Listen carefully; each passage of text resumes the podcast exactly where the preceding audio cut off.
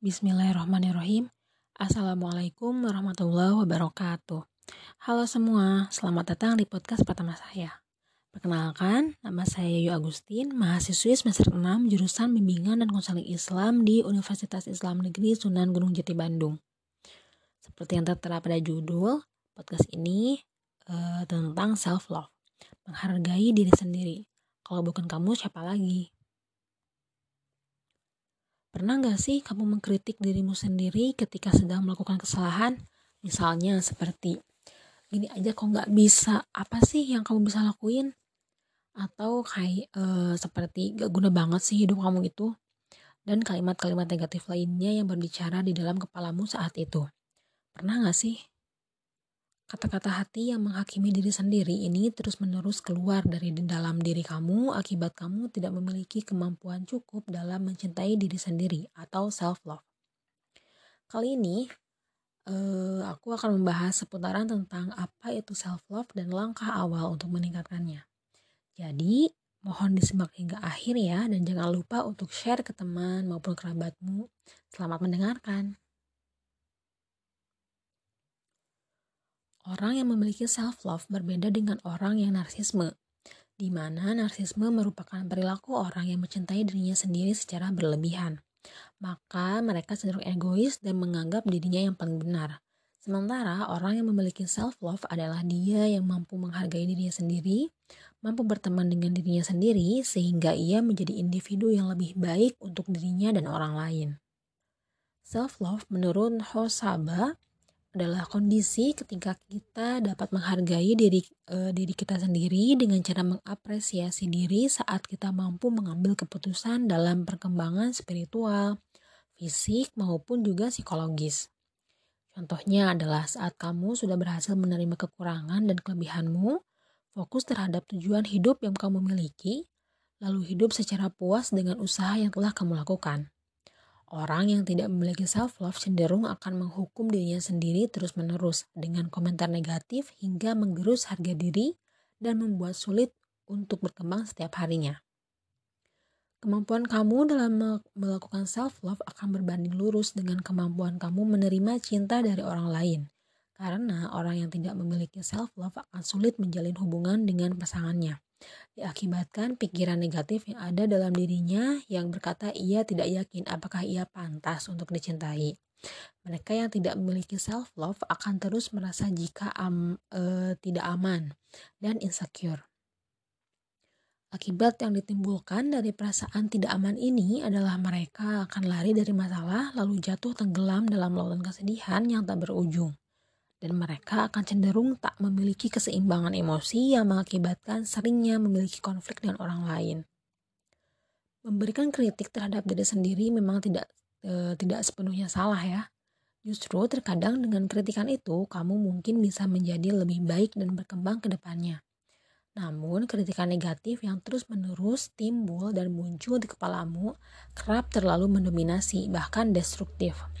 Kritik destruktif yang berkepanjangan ini dapat membuatmu menjadi semakin putus asa, masuk dalam lubang depresi, bahkan tak sedikit yang bisa sampai bunuh diri karena benci terhadap diri sendiri.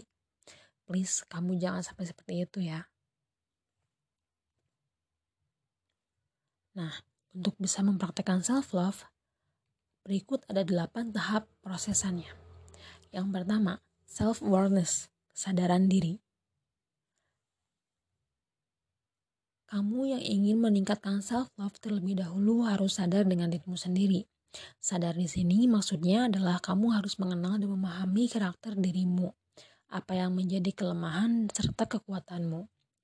Mungkin terkesannya remeh, tapi aku berani jamin di antara kamu yang uh, yang mendengarkan ini pasti masih ada yang belum mengetahui tujuan hidupnya apa, personal value apa, target lima tahun ingin menjadi apa, hingga pertanyaan paling mendasar seperti makanan kesukaanmu itu apa, kenapa kamu suka makanan itu, dan masih banyak lagi pertanyaan lainnya seputar dirimu sendiri.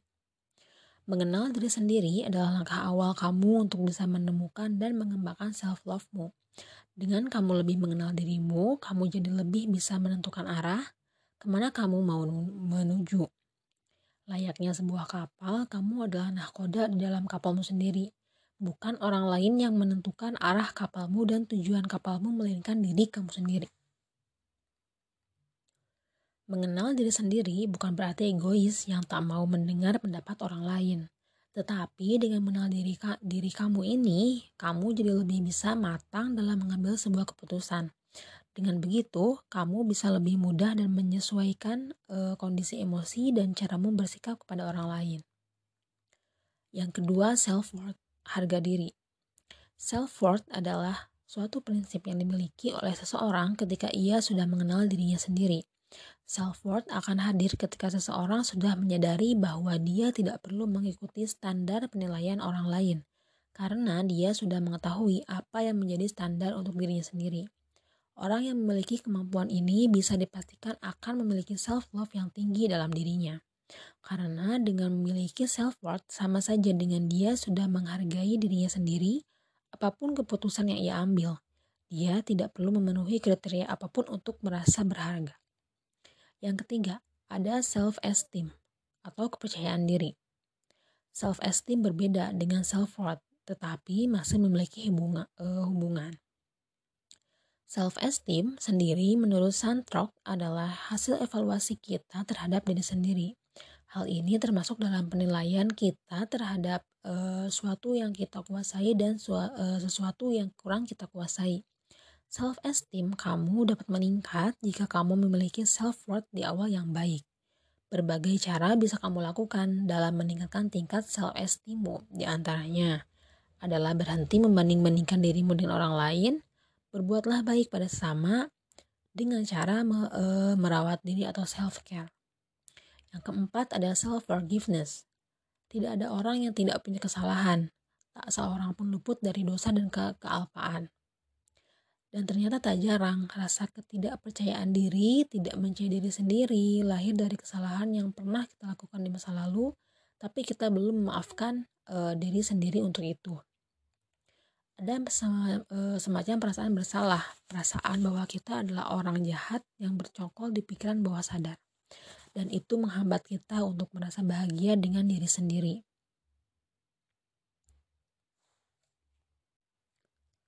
Langkah pertama dalam mempraktekkan self-love adalah memaafkan diri sendiri dari kesalahan apa pun di masa lalu. Dalam hal ini, ingatlah uh, aturan emas uh, berikut ini. Yang pertama, memaafkan bukan berarti membenarkan. Memaaf, uh, kedua, memaafkan bukan berarti menyukai hal itu. Yang ketiga, memaafkan bukan berarti mengizinkan e, kembali terjadi, tetapi memaafkan untuk melepaskan belenggu negatif dari perasaan bersalah akibat kejadian itu. Kemudian proses yang kelima, forgive others. Setelah memaafkan diri sendiri, maka kita juga perlu untuk memaafkan orang lain.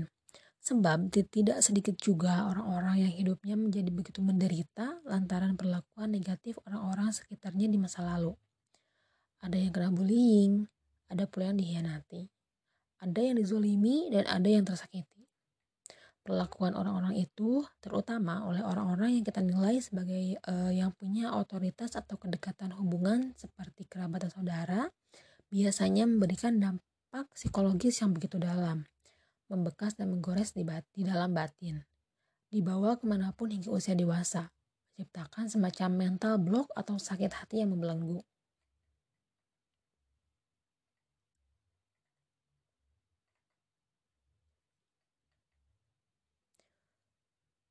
Jika kamu gak pede atau merasa insecure, benci, dendam, gampang marah, gampang sedih, bisa jadi itu semua lantaran perilaku buruk orang lain yang pernah terjadi di masa lalu.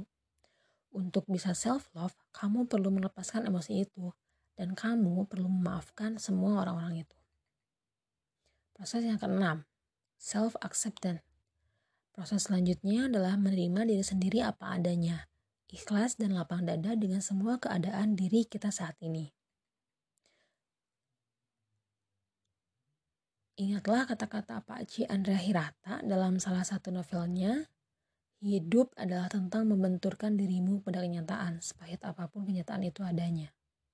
Bahwa saat ini hidup kita seperti ini, yaitulah hidup kita.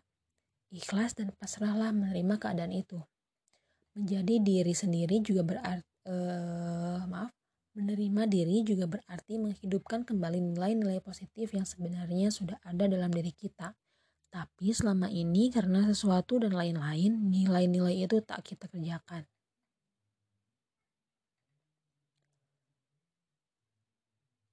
Kemudian proses yang ketujuh yaitu self care. Yang eh, dimaksud dengan self care di sini adalah memperlakukan diri dengan sebaik mungkin.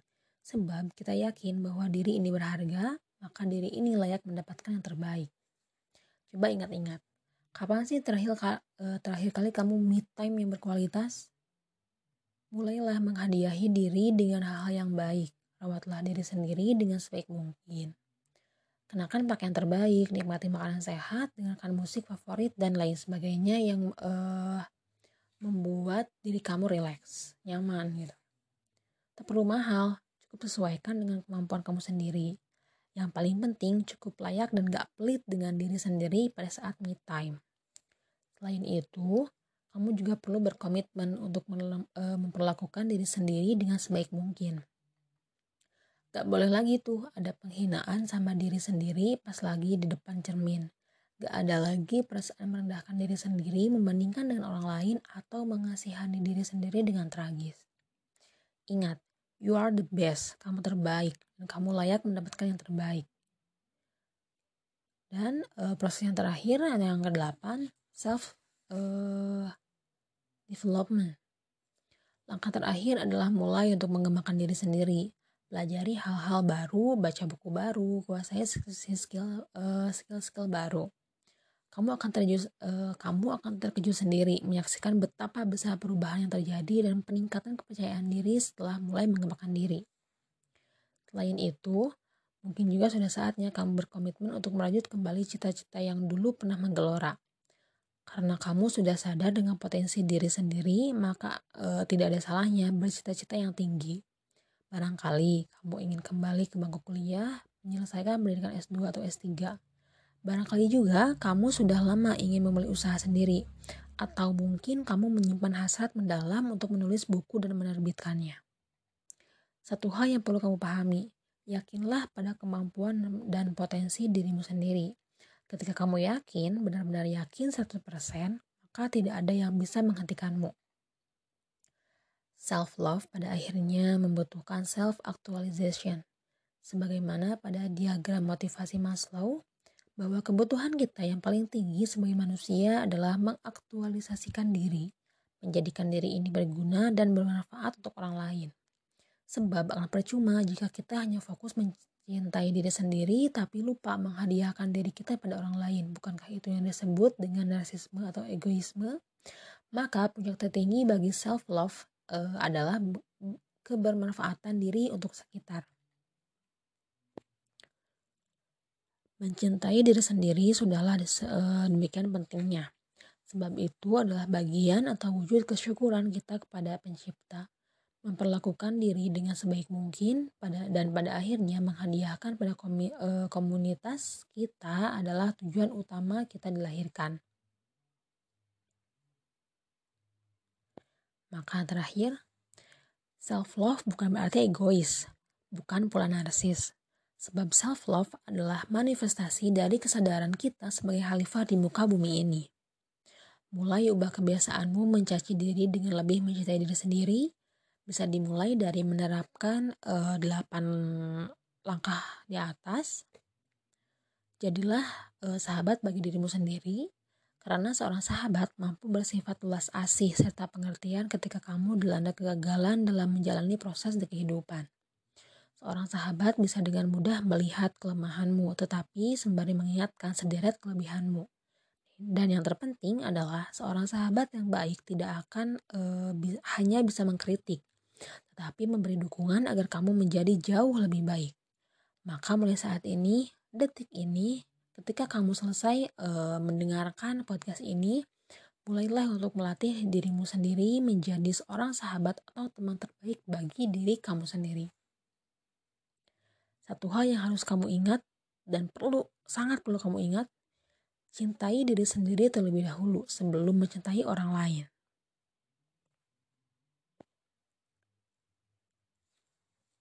Sekian uh, podcast kita kali ini. Semoga uh, dapat bermanfaat untuk semua yang mendengarkan. Terima kasih. Wassalamualaikum warahmatullahi wabarakatuh.